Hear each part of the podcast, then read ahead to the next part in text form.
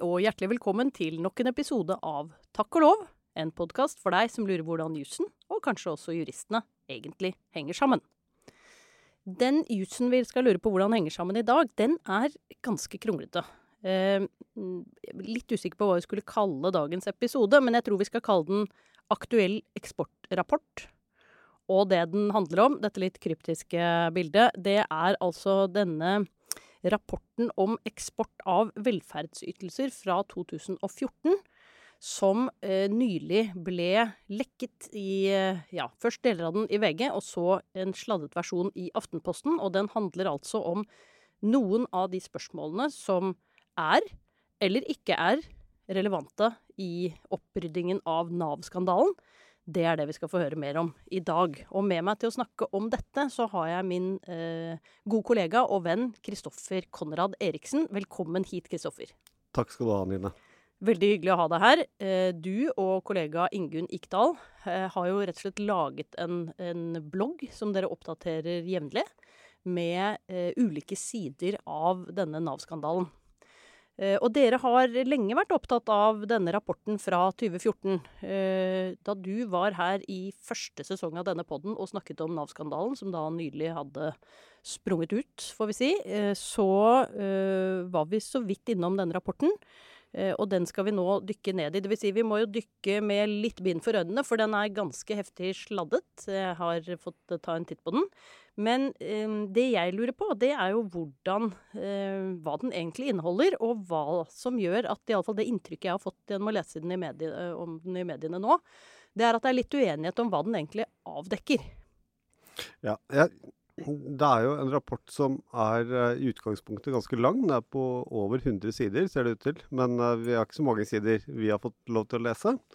Men jeg tror det kan være det hensiktsmessige å begynne med hvorfor denne rapporten øh, vekket interesse i utgangspunktet. Uh, at vi spoler tilbake til det. fordi da er det litt lettere å forstå sammenhengen i jussen, som jo podden skal gjøre. Det høres veldig bra ut. Hvis vi legger opp denne podden omtrent på denne måten uh, uh, Vi starter med det du sa, nemlig hvorfor var det interessant? Eller hva var det som gjorde at noen lurte på den i det hele tatt? Og så kanskje hva var det den inneholdt, nå som vi har lest iallfall deler av den. Og så, OK, nå som vi vet det, eh, om hva de visste i 2014, eh, hvorfor hadde det vært viktig at den hadde vært lagt frem før? Er det en grei eh, disposisjon? Det, det, høres ut som en utmerket disposisjon. Da eh, snurrer vi i gang på denne disposisjonen. OK, hva er det som gjør at folk har vært interessert, eller noen, eh, og ikke bare dere to, men også noen andre har vært interessert i denne rapporten? Jo, eh, høsten 2019, da det ble kjent at Nav hadde feilpraktisert trygdereglene, så var det en kjerne i den saken som alle var enige om at var feil. Og det, var, det handlet om at eh, Nav hadde eh, fratatt folk ytelser bare fordi de oppholdt seg i utlandet. Ok, Så nå ser jeg for meg en fersken, og inni den så er det en kjerne. Og av og til når du tygger på den, så åpner den så er den råtten. Det er feil kjerne. Ja, her var det en kjerne. Ja. Og det var akkurat den kjernen. At Nav hadde fratatt folk ytelser bare fordi de oppholdt seg i et annet land enn Norge. F.eks. sykepenger. Eh, hvis du var blitt sykemeldt og mottok sykepenger, og dro eh, en dag eller, eh, eller lenger til Sverige, så mistet du da retten til sykepengene, mente Nav. Og sånn, eh, Den forståelsen av reglene den ble også lagt til grunn av eh, Trygderetten. Og den ble lagt til grunn av påtalemyndigheten, og den ble lagt til grunn av domstolene. Og den medførte, eh, sammen med noen andre feilslutninger også, at mer enn 50 mennesker, eller om lag 50 mennesker, ble straffedømt for å ha mottatt trygdeytelser i utlandet. Og det var det eneste gale de hadde gjort. Ja. Um, OK. Og det var jo en stor gåte, tenkte mange, hvordan i all verden en sånn feil kunne oppstå så mange steder. Uh, og det er jo av og til sånn at det blir sånne følgefeil. Det ser vi jo for så vidt i noen av disse opprullingene av disse justisfeilsakene også. At når en, et inntrykk først fester seg av at noe er i orden, så forhindrer det at uh, tilstrekkelig mange gjør tilstrekkelig gode undersøkelser av om det de driver med, faktisk er riktig. Det er, det, det er sant. Og så, det som skjedde da etter at det ble kjent at uh, dette hadde vært feil, så Eh, lovet eh, daværende arbeids- og sosialminister at alle steiner skulle snus eh, for å finne årsakene til feilen. Å, nå skjønner jeg hvorfor den blogg, bakgrunnen på bloggen deres er sånn stein, rullesteinstrand. Det er, for det er alle steinene som skulle alle snus. Alle steinene som skulle oh, snus. Der ramla den polletten ned i mitt hode. Takk skal du ha. Ja. Bare hyggelig. og så gjennomførte Stortinget egne undersøkelser gjennom kontroll- og konstitusjonskomiteen. Uh, og det, ble, det, var, uh, det, var, mange dokumenter som ble lagt fram for offentligheten. Men det ble liksom aldri helt klart hva departementet visste om jussen her. Ja, for det er det vi lurer på. Vi har et departement som har uh, laget noen regler, eller kanskje ikke laget noen regler, eller vi visste, ikke, de, vi visste ikke hva de visste om jussen. Ja, du kan si at Nav, det, for å starte med det, ja. det, det, kan være litt nyttig. Ja, det er, ja. høres ut som det er noe der òg. Ja, Nav. Eh, Nav, er to ting. Eh, Nav er en etat og et direktorat. Så, uh, på, uh, så nederst i hierarkiet så er etaten. Uh, det er de man kontakter når man ringer til Nav eller sender e-post til Nav. Og så over etaten så er det et direktorat. De styrer etaten. Mm -hmm. Og over direktoratet så finnes Arbeids- og sosialdepartementet, det som nå heter Arbeids- og inkluderingsdepartementet. De har ansvaret for styringen av direktoratet. Ikke sant. For der er det Vi er i den uh, siloen som heter den utøvende makt, og, og ansvarskjeden er omtrent sånn som du skisserte nå. Riktig. ja. ja.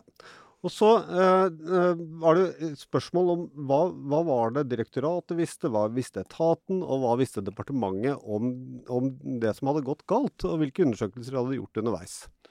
Eh, og, eh, og, det ble, var veldig lite informasjon som ble eh, lagt fram om hva departementet visste om de juridiske reglene. Det var uklart om departementet hadde drevet med noen selvstendige juridiske undersøkelser knyttet til EØS-avtalens betydning for trygdereglene, eller ikke.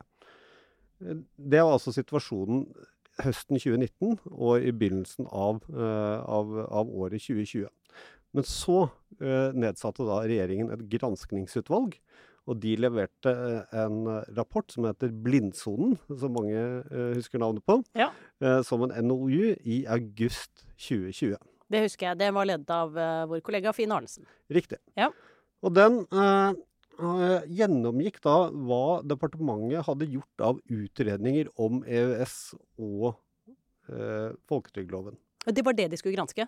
Ja, var, de, de, skulle granske hvordan, hvordan, dette hadde gått så galt. Og ja, sånn, da gransket de både etaten, direktoratet og departementet. Ja, akkurat. Og, og i, uh, i, uh, i, i, kapittel 9 i denne blindsonen uh, så forteller da granskingsutvalget om en, om en utredning, en rapport, som heter 'Eksport av velferdsytelser' fra 2014 aktuell eksportrapport. Aktuell, der kom den. Eller nå i hvert fall aktuell. Ja. Eh, og den bruker de eh, omtrent én spalte på å beskrive. Mm -hmm. Og så siterer de eh, fra, eh, fra, denne rapporten og sier at EØS-avtalen gir adgang til å oppholde seg i andre EØS-land, forutsatt at kravene til aktivitet og kontakt med etaten er oppfylt. Se vedlegg 2. Og det, eh, den setningen der, den, det kunne tyde på at departementet visste hva som var riktig juss. Ja. Uh, og departementet sa jo i og for seg også at de visste hva som var riktig juss. Ja. Uh, men, men hva var det de bygget det på? var dette en antagelse? var det en begrunnelse som lå bak? Hva slags type analyse eller begrunnelse lå bak dette egentlig litt oppsiktsvekkende utsagnet, som jo hadde vært, det hadde vært interessant å vite for å skjønne hvordan denne eh, feilen kunne oppstå, og hvorfor det tok så lang tid før den ble. Ja, for de visste hva som var riktig i USA, og likevel så ble det feilpraktisert? Ja, da, men da var jo spørsmålet hvor, hvor grundig visste de det? ikke sant? For det er jo sånn, noen ganger så kan vi skrive en setning som jurister og si at liksom Allerede i gamle romere skriver jeg ofte. Ja. ja, eller vi antar at det er sånn, ja. og så er, ligger det ikke noe mer bak. Eller andre ganger så har man foretatt grundige analyser eh, som kunne vært opplysende for andre å få tilgang til. Og det var vi, jeg og kollega Ingunn Ikdal, vi var veldig interessert i akkurat det spørsmålet, så vi begjærte innsyn i denne rapporten. Ja. Vi fikk avslag, og så klaget vi til Kongen i statsråd. Ja, for det kan man gjøre. Det kan man gjøre. Så da sitter Harald Rex der og vurderer om det blir innsyn likevel? Sammen med Erna Solberg og ja. hennes kompanjonger i Solberg-regjeringen. Og det ville de ikke. Og hvorfor ikke? Nei, de ville ikke det. Fordi at de mente at dette var et internt dokument. Og de sa at dette, dette dokumentet det handler ikke om de spørsmålene som var aktuelle i Nav-saken.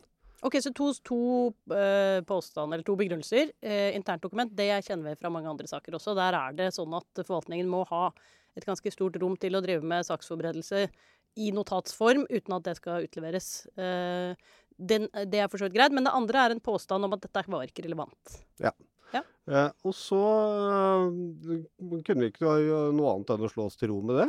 Eh, og vi har forsøkt å skrive litt om at, uh, at, det er uheldig at denne rapporten ikke kommer ut, uh, av flere grunner. Det er uheldig fordi vi ikke får vite hva departementet egentlig visste.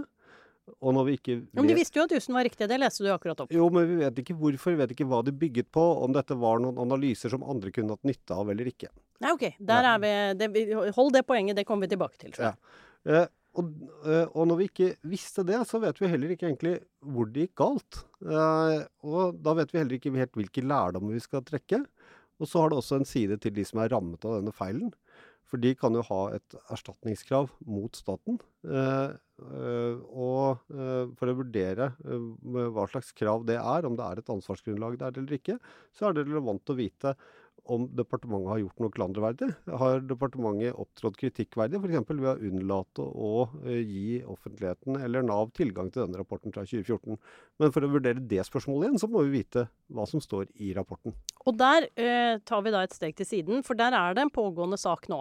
Om eh, spørsmålet om ansvar. kort skisser hva, hva, hvordan er saken anlagt, og hva er de rettslige spørsmålene. Ja. Veld, veldig kort så handler den rettssaken om eh, ofrene har krav på oppreisningserstatning fra staten. Staten har allerede kjent at uh, de har opptrådt uaktsomt, mm -hmm. sånn at ofrene har krav på, sitt, uh, på, dekning av sitt økonomiske tap. Ja, for der er to det er Bare rekapitulere det. Uh, uaktsomhet kan gi grunnlag for erstatning av økonomisk tap, men du kan også ha krav på oppreisning hvis Hvis staten har opptrådt grovt uaktsomt på ledelsesnivå, dvs. Si at en statsråd eh, eller regjeringen har opptrådt grovt uaktsomt.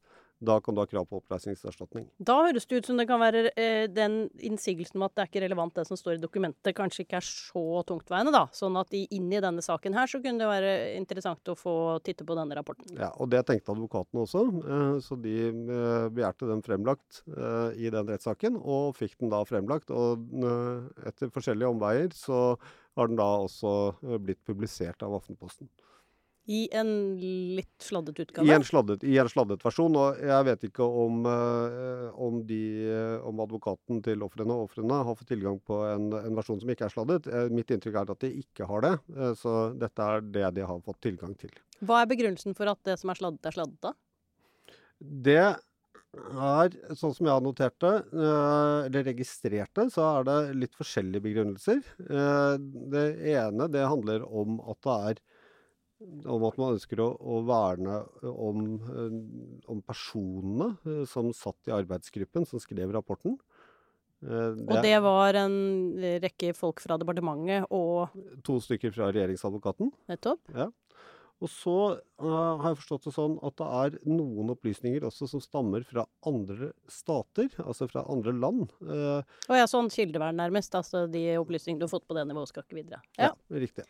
Uh, men, så, men, men, jeg tviler jo på at det er altså, Vi har vel fått lese ca. 30 sider av denne rapporten. Som er på 100 sider eller noe sånt? er det det? Ja. ja. Så jeg tviler på at det er 70 sider med, med informasjon fra andre land i denne rapporten. Så det så for meg fremstår det rett og slett litt uklart hvorfor ikke uh, ofrene har fått tilgang til den informasjonen.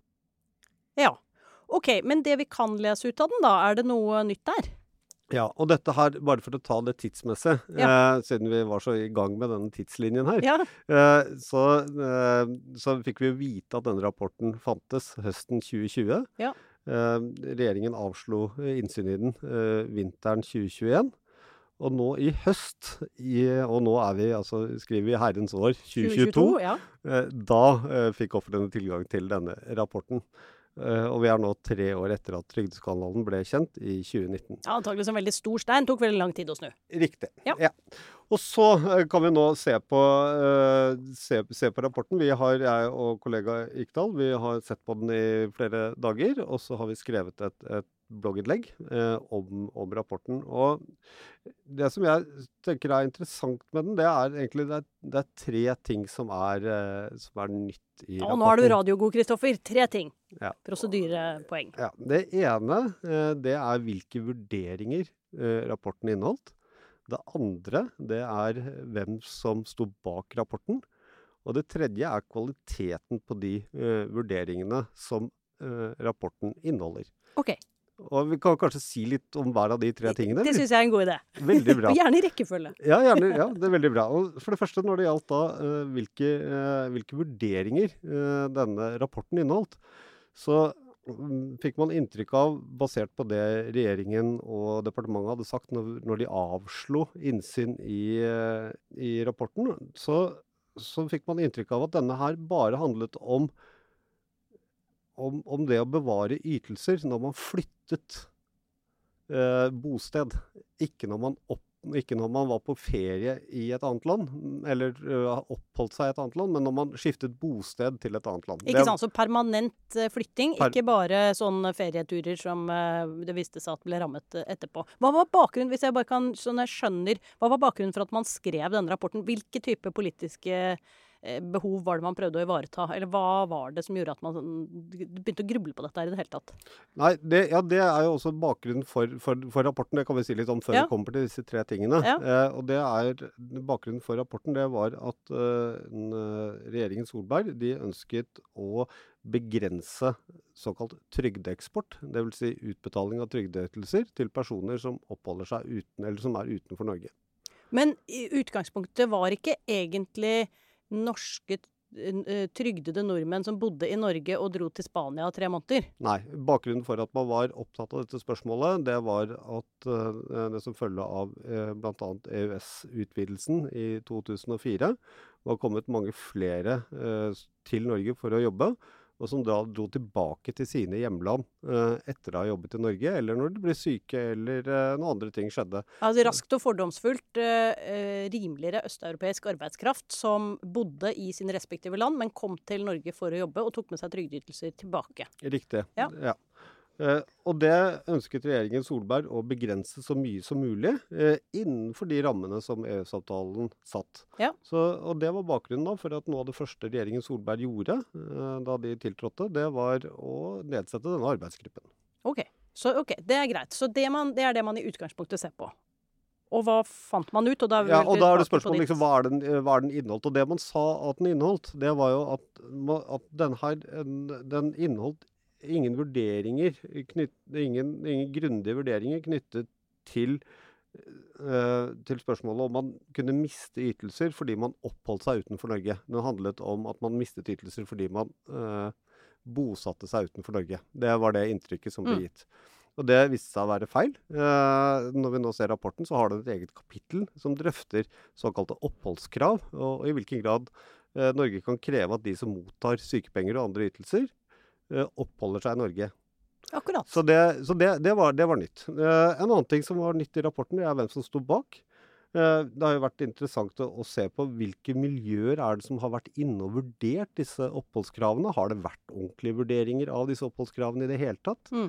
Uh, og det har bl.a. blitt sagt at regjeringsadvokaten egentlig ikke, uh, ikke har blitt forelagt uh, noen spørsmål om, vurdere, om, å vurdere oppholdskrav i forhold til EØS-reglene før høsten 2019. Men her ser vi denne rapporten fra 2014, som jo vurderer oppholdskrav opp mot EØS-reglene, ja. at, at to, to, stykker fra regjeringsadvokaten også bisto arbeidsgruppen.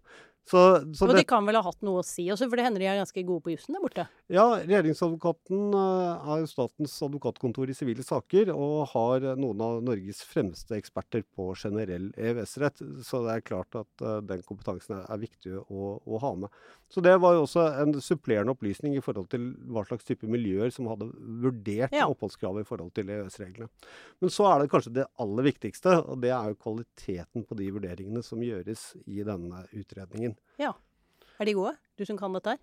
Jeg syns de er veldig gode. Jeg syns de er overraskende gode. Eh, ikke fordi at det er overraskende at staten eller eh, regjeringsadvokaten eller departementene er flinke, for det, det, det, er ikke overraskende. De er ofte veldig, veldig flinke. Elsk en byråkrat i dag, som vi alltid sier. Ja. Eh, men det å spå om rettsutviklingen i, eh, i EØS er, er, ikke alltid like enkelt. Nå var kanskje ikke dette det aller mest kompliserte spørsmålet heller. Men eh, det arbeidsgruppen gjør, det er at den går inn i en bestemmelse i trygdeforordningen, i EUs trygdelov, hvis vi kan kalle det det. Ja, Artikkel 7. Artikkel 7 i trygdeforordningen. Ja. Og så sier de, sier de at den artikkel 7 den er til hinder for oppholdskrav.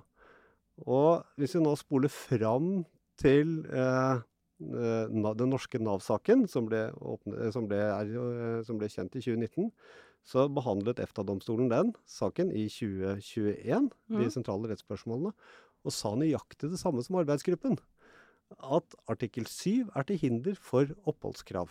Ok, så vi har visst hele veien at uh, dette var jussen. Hvordan ja. i alle dager har vi da havnet i dette uføret at vi har drevet og praktisert den annerledes da? Nei, og det uh, Bare for å nyansere akkurat det litt, uh, ja. Anine. Så, så er det det med artikkel 7 jeg, jeg, jeg, tenker, Nå er jeg, jeg litt sånn Jeg syns sånne Det å tolke forordninger er spesielt interessant og moro. Ikke sant. Det er derfor du jobber der hvor du gjør. Eh, og alle vi andre bare må få sånn excerpt som du klarer å gi oss kort og forklart. Ja, men, men det som er, synes jeg, er litt sånn klassisk interessant uh, jusspørsmål når det gjelder artikkel 7, det er at den sier at det er forbudt å stanse ytelser fordi når, man, når den trygdede Eh, skifter bosted, altså flytter bosted til en annen stat. Da er det forbudt å stanse ytelser. Ja, og det gjelder flytting. Det gjelder flytting. Ja. Eh, men så er spørsmålet om den uh, artikkel 7 også, uh, også, forbyr statene fra å stanse ytelser, bare man oppholder seg i en annen stat. Da er vi på ferie eller midlertidig opphold. Ferie eller ja. midlertidig opphold. Ja. Og, det, og det, den situasjonen som, som denne rapporten fra 2014 drøfter, det er da typisk folk som bor i et annet land som oppholder seg i Norge og får sykepenger, og som da reiser tilbake til sitt land. Mm. Uh, og, og da, da, oppholder de seg ikke lenger i Norge, og så er spørsmålet om de da kan miste retten til sykepenger. Og det svarer rapporten at nei, det, altså, vi kan ikke kreve at de oppholder seg i Norge. Men den regelen, den gjelder jo akkurat på samme måte for nordmenn som uh, mottar sykepenger når de bor i Norge og så reiser på ferie til Spania. Det tror jeg nok ikke de som skrev rapporten tenkte så mye over. Eller det, det, vet vi ikke så mye om, egentlig. Vi vet jo ikke hvem det var som skrev rapporten, så det er vanskelig å gjette på hvem, uh, hva, hva, de tenkte på og ikke. Men, uh, men det interessante er at det er den nøyaktig samme regelen som blir avgjørende i den situasjonen som uh, denne 2014-rapporten drøfter, som blir avgjørende for det som er kjernen i den norske Nav-saken. Ok, så da, um, Det er mulig at min hjerne fungerer litt enkelt her nå, men, men um, kan man da tenke at man, det er sånn framing-effekt? Altså du har tenkt hele tiden på uh, en helt annen problemstilling, nemlig utenlandske arbeidere som kommer til Norge og tar med seg trygdeytelser. Og du har ikke tenkt på den andre situasjonen, som er nordmenn som tar opphold i utlandet. Og ja. derfor så, så tenk... Altså i utgangspunktet, men i praksis så viser det seg at begge deler rammes. Ja, det, det, det, kan, det, kan, godt være. Det vet ikke jeg. Det, liksom, blir jo liksom vurderingen av departementets ansvar osv. Ja. Men, men det som er interessant, var at man da hadde gjort en analyse av den regelen eh, som eh, ble avgjørende i den norske Nav-saken. Eh, den, den, analysen hadde man egentlig gjort i 2014. Altså man fikk egentlig eh, man fikk eh, A på den vurderingen fra 2014. Det var ja. mønsterbesvarelsen. Det var helt riktig. Det var helt riktig. Det traff spikeren på hodet, eller i hvert fall traff samme spiker som EFTA-domstolen også traff uh, i 2021, i sak 820, for de av dere som er interessert i å slå Jeg skal legge inn referanser i episodebeskrivelsen. Ja. Veldig, veldig bra. Uh, men det som, det som, Da er det paradoksale her, eh, hvis vi nå liksom zoomer Ja, nå skal vi rumne inn og, og skjønne hvorfor dette var viktig. Ja, ja. og zoomer, zoomer, ut, på en måte, så ser vi at altså fram til 2019 så uh, var det mange som prøvde seg på å Eller så mange som behandlet saker som, som handlet om at norske trygdede personer uh, oppholdt seg i Sverige og Spania og andre land, og mistet retten til ytelsene sine der. Mm. Eh, det var Nav, det var Trygderetten, det var påtalemyndigheten, og det var tingretter, lagmannsretter og Høyesterett. Ja. Som alle vurderte eh, spørsmål om hvorvidt det var galt å frata noen ytelser bare fordi de oppholdt seg i et annet land. Og er de, dette overens med artikkel 7 eller ikke? Nei, de, de, de foretok ikke den vurderingen? Det, det, vurderte de ikke. Mm. Men de vurderte om det var galt å frata noen ytelser bare fordi de oppholdt seg i et annet land. Ja. Og det som vi vet, er at påtalemyndigheten, de aller fleste domstolene, inklusive Høyesterett, bare la til grunn at det var galt. Eh, fordi Nav hadde sagt at det var galt, så la de til grunn at det var galt. Ja. Eh, Nav la stort sett også til grunn at det var galt. Etter hvert så begynte de også å lure litt. Grann. Hva var det, hva, hvordan var sammenhengen mellom disse reglene?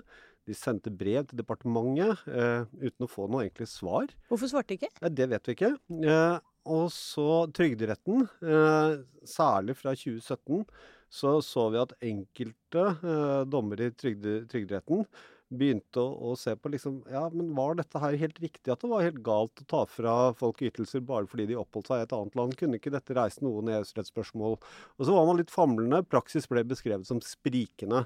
Ja. Eh, så det som vi da også står igjen med, det er et bilde da, hvor, eh, hvor Trygderetten, Nav, påtalemyndigheten, Høyesterett eh, og de andre domstolene de har foretatt vurderinger som alle var gale. Det som kjennetegner de vurderingene, det er at de blir foretatt åpne i det offentlige rom. Det var én aktør, eller var noen, som greide å gjøre riktige vurderinger. Det var arbeidsgruppen fra 2014. Og det vi vet om den, er at den forble hemmelig. Og det er jo et kjempeparadoks. Da har vi jo plutselig en situasjon som gjør at fall, selv jeg tror jeg klarer å skjønne at det hadde hatt en betydning om denne hadde vært åpen før. For da hadde jo i hvert fall litt flere fått titte på fasiten.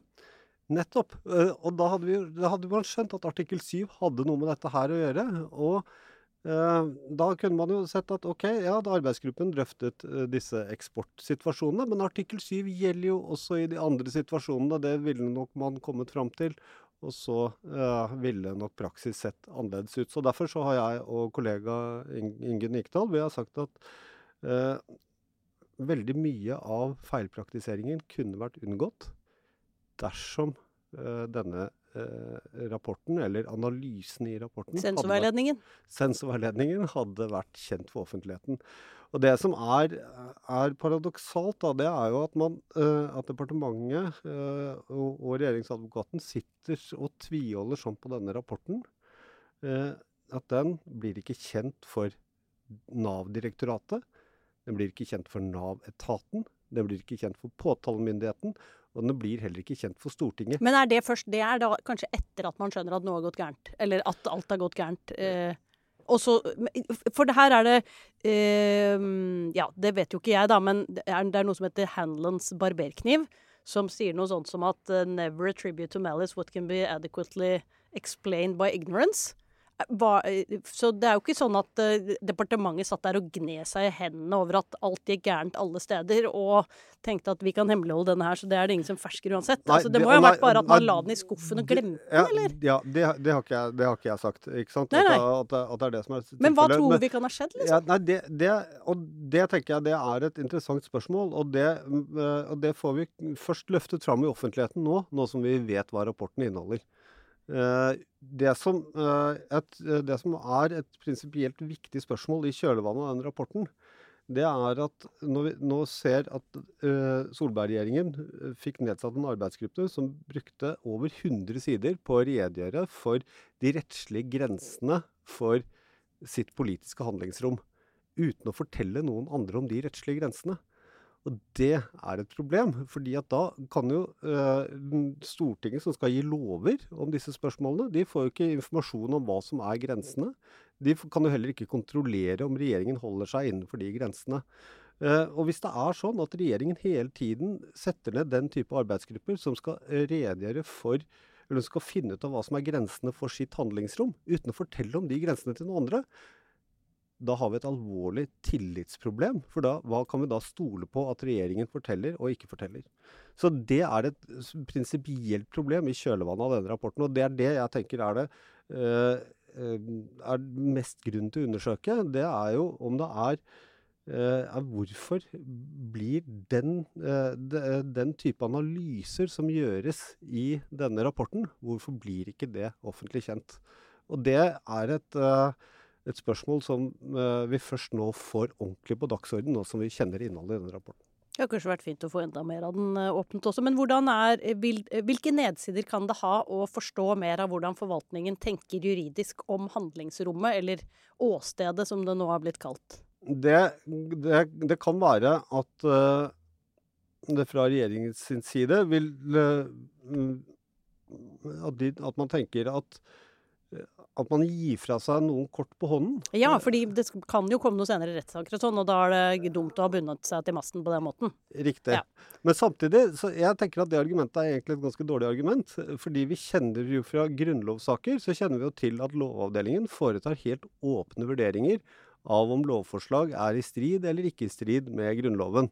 Og, så, og EØS-reglene og EMK-reglene og alt. Ja, ikke ja. sant? Og, det var i hvert fall sånn det var før. Da fikk man de åpne vurderingene ja, fra Lovavdelingen. Og, og, og, i grunnlovsvurderingene er jo fortsatt åpne. Ja. Og, da, det gjør at vi får en meningsfull diskusjon om vi skal bruke om, om det er, er det et politisk flertall for å presse grunnlovsbestemmelsene i, eh, eller, eller ikke. Og det er en fornuftig, eh, fornuftig eh, eh, måte å ha en offentlig debatt på.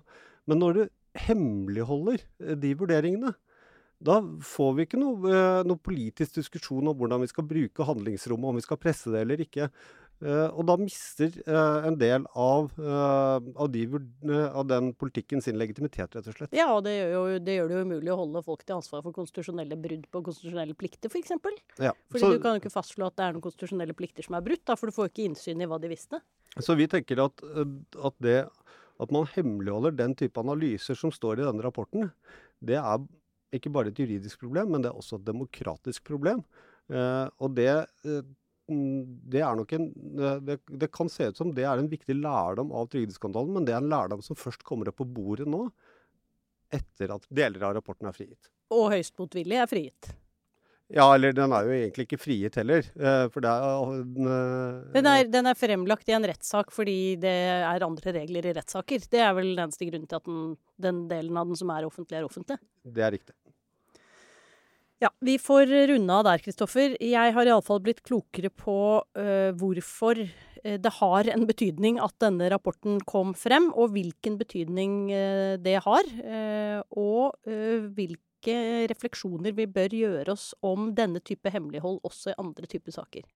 Vi eh, gikk jo rett på her, siden du har vært eh, med i eh, denne podden før. Eh, så tok vi ikke et nytt fun fact om deg, men eh, du har kanskje lyst til å runde av en historie som vi burde ha hørt. Nå har det jo vært veldig mye alvor her. Det er jo rom for eventuelt litt humor, hvis det fins. Ja, um, det er jo noe som heter selvinkriminaringsprinsippet. Men, ja. uh, men, jeg tror dette ligger så langt tilbake at jeg håper at mine tidligere arbeidsgivere kan uh, se gjennom fingrene. Og dessuten er jo det det er jo retten til ikke å, å, forklare seg om ting som kan bli brukt mot deg i en straffesak, eller noe som kan føre deg inn i ansvar. Men det er jo ikke en rett som du ikke kan uh, Du kan jo bestemme selv om du vil påberope deg den. Det er jo lov å forklare seg også om ting som er inkriminerende. Ja, det, var, det, det, jeg var det egentlig det jeg mente men, men, eh, men, det jeg skal si nå, det ligger langt unna det straffbare. Saken var at eh, var, eh, vi var jo akkurat ferdig, vi var jo ferdig med å studere på samme tid. Det var vi. Vi er gamle kollokviekamerater. Ja, og da hadde jeg vært i New York. og sovet under et skrivebord. Ja, det, ja, og sovet under et skrivebord på Columbia University. og kom hjem og skulle da ha jobb. Og da sendte jeg mail eh, til litt forskjellige advokatfirmaer og lurte på om jeg kunne få jobb hos dem. Eh, og så fikk jeg positive, positive svar eh, fra ett firma. Og så kom jeg hjem, og så skulle jeg på intervju da, til dette firmaet samme dag som jeg kom hjem. Og alle som har vært i New York og tar nattfly hjem, det vet at når man kommer hjem, så er man ganske trøtt. Det ble også jeg, så jeg greide å forsove meg til det intervjuet. det startet godt, dette. Ja, jeg skjønner at du havnet på universitetet. Og så ringte jeg da til det advokatfirmaet og sa at beklager, uh, uh, dette gikk, gikk, ikke bra. Uh, kan jeg få lov til å komme igjen? Og så sier da det advokatfirmaet jeg ringte til, Wiersholm, nei, vi hadde ikke noen intervjuavtale med deg. Jo, sa jeg. Eh, nei, sa de. Eh, ja, men kanskje jeg skal snakke med managing partner? Såpass. og så snakket jeg med han, og de nei, de hadde jo ikke noe intervjuavtale med meg. De kunne ikke finne det noe sted. Er du sikker på at ikke det var hos Vikborg og Rein du hadde intervjuavtalen? Uh, og, og, det sa jeg at nja, jeg tror ikke det. Og så la jeg på, og så ringte jeg til Vikborg og så sa jeg at uh, jeg beklaget at jeg ikke kom til intervjuet, og så sa de det er helt i orden. Vi finner en ny dag. Ja, Så du klarer ikke engang å holde uh, de advokatfirmaene fra hverandre, er moralen i denne historien. Men for øvrig så tenker du at dine vurderinger av trygdeskandalen og betydningen av den rapporten, det, det står seg? Dette var 20 år siden, og jeg kom direkte fra en tilværelse hvor jeg hadde sovet under et skrivebord. Har du hørt? Det er fantastisk. Takk skal du ha, Kristoffer. Det var uh, veldig uh, nyttig og opplysende at du kom og delte dine tanker om uh, den aktuelle eksportrapporten. takk også til dere lyttere som ble med oss gjennom nok en episode av denne podden. Vi høres igjen i neste uke. Takk og lov. Og da er det tid for litt grann reklame. For det er jo noen som sponser denne podden også. Og det er eh, Juristenes utdanningssenter, eh, JUS, som leverer alle de kursene du trenger. Så gå inn på juss.no og sjekk ut alt du kan eh, være med på, enten fysisk eller også digitalt. Og så er det Juridika. Juridika.no eh, leverer alt du trenger av eh, juridisk litteratur, artikler, kommentarutgaver og i det hele tatt aktuelle saker om juss som opptar deg.